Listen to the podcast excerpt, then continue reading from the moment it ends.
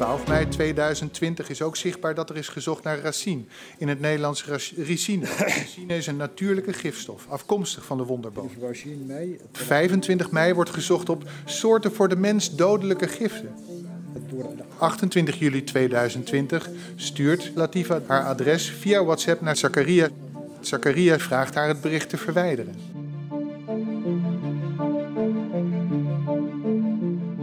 Bij een woningoverval kan het er heftig aan toe gaan. Je zit rustig op de bank en ineens stormt er iemand je veilige huis binnen en haalt alles overhoop. Kun je je dan ooit nog veilig voelen? En wat als alles opeens anders blijkt en een van de slachtoffers de dader is? Mijn naam is Emma Ties en je luistert naar de Zaak X. Een podcast van het AD in samenwerking met het Podcastkantoor, waarin we wekelijks een spraakmakende rechtszaak bespreken. Met deze week het complot tegen Mimoen.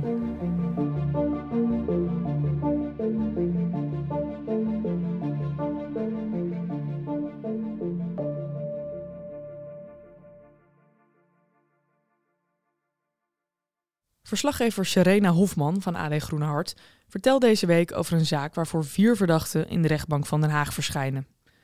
Het slachtoffer is de 66-jarige Mimoen Bergwal. Hij woont in een boerderij aan de rand van Leiden, in het dorpje Oud-Ade. Hij was een ondernemer. Hij had bijvoorbeeld een, uh, supermarkt in Leiden.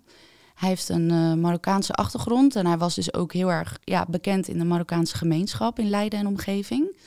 En um, hij was getrouwd met Latifa. Ze hebben elkaar in 2012 ontmoet in Marokko in een hotel. En um, nou ja, uiteindelijk hebben ze een relatie gekregen en zijn ze in de zomer van 2019 uh, getrouwd. 29 december 2020 kreeg de politie uh, bezoek van Latifa op het uh, politiebureau in Leiden. Ze kwam daar eigenlijk aan in een badjas en nou ja, in paniek. En zij vertelde het verhaal dat zij en haar man het slachtoffer waren geworden van een woningoverval. Zij heeft eigenlijk in eerste instantie gezegd dat ze op de wc heeft gezeten. Dat ze daar opgesloten was door de overvallers. En dat ze dus, um, nou ja, toen ze eenmaal uh, weer uit het toilet kwam, daarachter kwam dat, uh, dat haar man dood was. En uh, dat ze eigenlijk zich toen pas goed realiseerde wat er, wat er was gebeurd. Goedemorgen, het is tien uur. Ik ben Sjoerd Hiddinga met het belangrijkste regionieuws. In een woning in Oud-Aarde is een dode gevonden politie kreeg vroeg in de ochtend een melding van een overval. Daarop rukte de politie massaal uit met speciale eenheden. Ook de politiehelikopter werd ingezet. De politie vond Mimoen in de slaapkamer, uh, alleen gekleed in een boxershort. En hij lag eigenlijk uh, naast het bed. De politie zag eigenlijk ook dat er veel geweld uh, is gebruikt tegen hem. Hij had ehm, nou diverse botbreuken, waaronder een gebroken oogkas en een kapotte rib. En um, nou, er was ook wel zichtbaar uh, al gelijk voor de agenten dat hij uh, door wurging of smoring om het leven was gekomen. Omdat er een, uh, ja, soort bandvormig letsel te zien was rondom zijn hals. Wat agenten wel opvallend vonden is dat de wasmachine aanstond op dat moment. En um, ja, er was veel gebroken glas, gebroken ruiten. Um, dus in eerste instantie ja, is de politie haar verhaal zeg maar, gaan beschouwen als inderdaad, uh, nou ja, alsof zij slachtoffer was van een woningoverval. De politie begint met het horen van Latifa over wat er die avond gebeurd is. Zes keer spreken ze met elkaar. Op een gegeven moment krijgt de politie de telefoon van Latifa in handen en weten ze daaruit informatie te halen. De officier van justitie vertelt in de rechtbank van Den Haag hoe het onderzoek ineens een andere wending kreeg. En nadat toegang is verkregen tot het Google-account van Latifa, kan tot het onderzoek. Op de achtergrond hoor je tolken die tijdens de rechtszaak vertalen voor de verdachte. In de online opslag bevindt zich een backup van een WhatsApp-gesprek met Zakaria, een Fransman.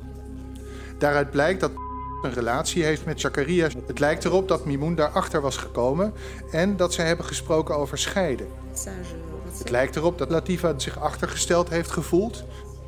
Uit de chat blijkt ook dat zij samen met bezig is geweest om mensen, aangeduid als broers, naar Nederland te laten reizen om de zaak te klaren. En, zo lijkt het, de woningoverval lijkt in scène gezet.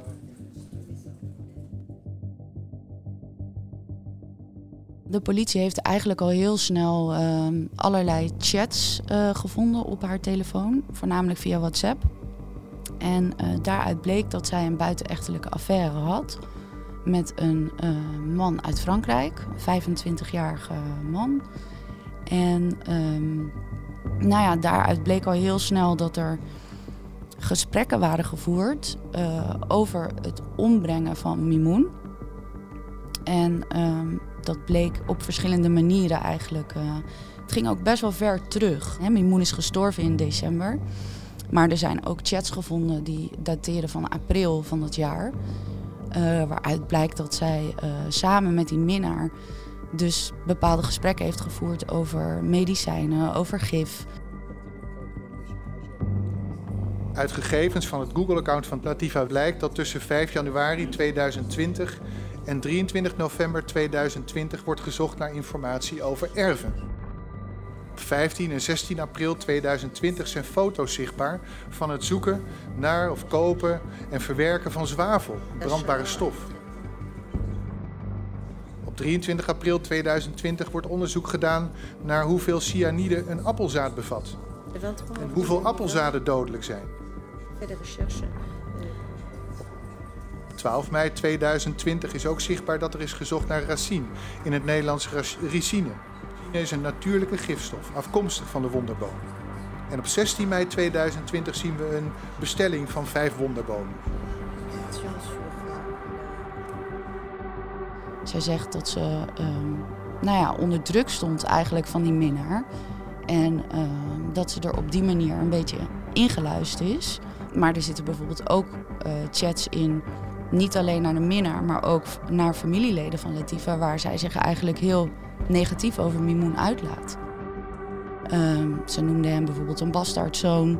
En op het moment dat de politie dat natuurlijk allemaal zag en die puzzel in elkaar probeerde te leggen, ja, toen ontstond er natuurlijk een heel ander beeld dan dat van een rouwende weduwe die dus slachtoffer is geworden van een woningoverval, waarbij haar man dus om het leven zou zijn gekomen. Zij maakt een heel verwarde indruk tijdens de, de rechtszaak. De zaak duurt al heel lang. Er zijn heel veel voorbereidende zittingen geweest. En eigenlijk uh, komt zij elke keer met een ander verhaal. Um, ja, en ze, ze vertelde eigenlijk wel heel veel. Alleen vaak ontweek ze vragen. Of um, ging ze nou ja, door op een, op een ander scenario, iets wat net op dat moment niet werd besproken. Dus je er vanaf de buitenkant naar keek, dan dacht je, oh, nou, deze mevrouw is best wel heel erg bereid om te praten. Alleen als je dan naar de inhoud ging luisteren, dan draaide ze er gewoon aan alle kanten omheen. Die vrouw in badjas, Latifa, die in paniek het politiebureau in Leiden kwam binnengelopen, lijkt dus helemaal niet zo onschuldig te zijn. Samen met haar minnaar Zakaria heeft ze een plan gemaakt om van haar partner Mimoun af te komen. Ze schakelen de hulp in van twee mannen uit Frankrijk, Youssef en Stevens. Alle vier staan zij nu in de rechtbank. Daar blijkt weinig over van de relatie tussen Latifa en Zakaria. Zakaria uh, is, zegt hij, dus een man met uh, nou ja, veel affaires. Hij zou meerdere vriendinnen hebben. En um, ja, eigenlijk aan het begin van de, van de rechtszaak zei hij van... Uh, ik ga me op mijn zwijgrecht beroepen, want uh, um, ik heb geen zin om op verhalen in te gaan van mensen die psychisch uh, in de war zijn. Daarmee doelde hij natuurlijk op Latifa. Youssef die wordt door het Openbaar Ministerie gezien als de uitvoerder. Dus hij zou daadwerkelijk die avond Mimoen hebben vermoord. Gewurgd of gesmoord. En uh, Stevens is eigenlijk uh, ja, de chauffeur. Maar hij zegt eigenlijk, ik weet er helemaal niets van. Ik ben er alleen naartoe gereden, ik heb in de auto gezeten en Youssef kwam terug. En wat er daar in dat huis is gebeurd, uh, dat weet ik niet. Het Openbaar Ministerie is overigens ook overtuigd van die lezing. Dat hij niet wist in welk plan hij werd getrokken als chauffeur zijnde. De vier verdachten hebben allemaal een ander verhaal in de rechtbank. Zo vertelt Youssef in de rechtszaal dat Zakaria hem in een shisha-lounge in Frankrijk zou hebben benaderd. Zakaria kwam naar hem toe om te condoleren met het overlijden van zijn broer. En die zou hem vervolgens hebben gevraagd of hij misschien interesse had om te bemiddelen uh, in het huwelijk van zijn zus en haar man. Um, nou ja, zijn zus bleek zijn minnares Latifa te zijn. Maar met dit verhaal is Youssef dus uh, op pad gestuurd naar Nederland. Het Openbaar Ministerie heeft hem daar ook veel vragen over gesteld. Want hoe kun je nou gaan bemiddelen tussen ehm, een man en een vrouw die in Nederland wonen, allebei geen Frans spreken, of nou in ieder geval niet genoeg om zo'n serieus uh, gesprek uh, te voeren. Um, en hij zegt daar eigenlijk zelf over van ja, ik kom zelf uit een, uh, een gebroken gezin. En uh, Zakaria vertelde mij dat zijn zus uh, werd mishandeld door haar man. Dat verhaal dat, dat ja, trok, me eigenlijk, uh, trok ik me eigenlijk zo aan. Dat ik dacht, nou ja, dat is goed. Ik rij naar Nederland en ik, ik ga daar bemiddelen. Het OM zegt dat Youssef echt wel wist wat hij, wat hij daar moest gaan doen. Namelijk een, een moord plegen in opdracht van Zakaria. Tijdens de rechtszaak vertellen de nabestaanden van Mimoen wat voor impact deze zaak op hen heeft gehad. De zoon van Mimoen vertelt in zijn slachtofferverklaring hoe gek zijn vader op Latifa was. Hij heeft daar Latifa zeg maar direct aangesproken en hij zei van een paar weken voor de moord was ik nog bij mijn vader. Jij was er niet, dus we waren met z'n tweeën. En uh, toen vertelde hij mij dat jij zijn droomvrouw was, dat uh, jullie het plan hadden om een bedrijf op te zetten. En dat hij toen tegen zijn vader had gezegd, maar papa, je bent al best wel oud, hè? moet je nou nu nog een keer een bedrijf opzetten? Je hebt al veel bedrijven gehad, is het niet tijd om wat rustiger aan te gaan doen? En toen zou Mimoen tegen zijn zoon hebben gezegd, nee, maar ik doe dit voor Latifa, zodat haar toekomst uh, nou ja, gewaarborgd is. Tijdens spreekrecht sprak de zoon dus direct uh, Latifa aan. Daarom gaf de rechter haar natuurlijk ook de kans om daarop te reageren. En eigenlijk het eerste wat ze zei is: um, Ik ben twaalf jaar samen geweest met jullie vader. En jij bent er niet bij geweest. Jij weet niet wat er is gebeurd. Jij weet niet uh, wat voor man hij uh, voor mij was. Daar kwam het eigenlijk op neer. En uh, ik heb er niets mee te maken.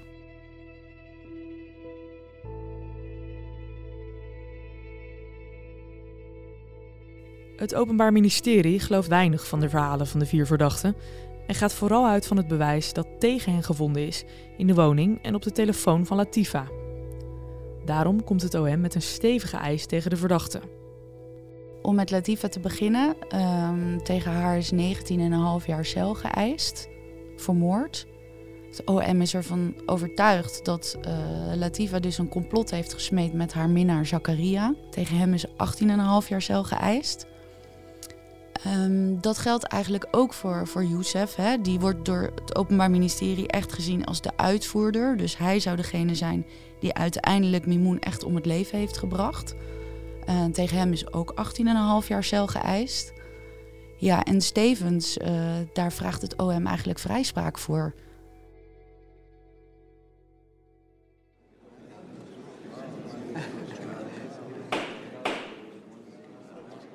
De rechtbank oordeelt uiteindelijk dat er inderdaad sprake is geweest van een complot tegen Mimoen. Latifa en Zakaria worden veroordeeld tot ruim 19 jaar gevangenisstraf. Youssef krijgt een straf opgelegd van ruim 18 jaar. Stevens wordt vrijgesproken omdat hij volgens de rechter niets wist van het moordplan en niet meewerkte aan de dood van Mimoen. Wat er wel boeiend aan is, is dat um, hoe een zaak zeg maar kan kantelen.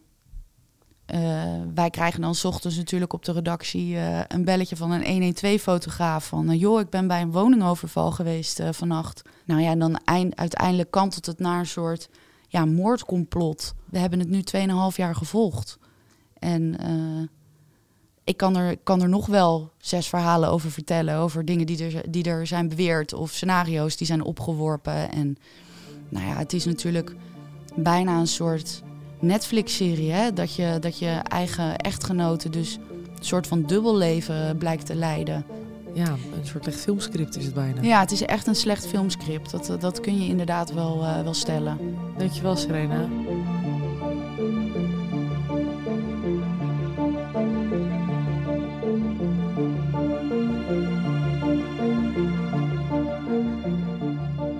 De Zaak X is een wekelijkse podcast van het AD en deze aflevering werd gepresenteerd door mij, Emma Ties.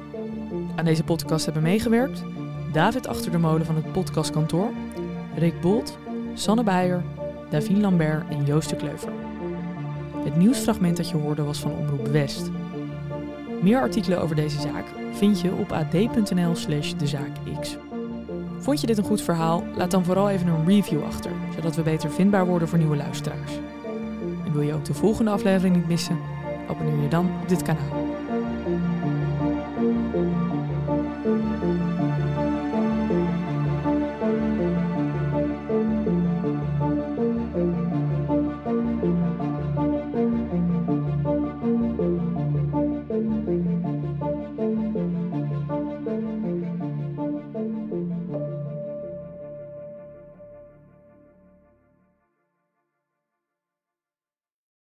En dan hoor je in één keer: Hanno is zoek.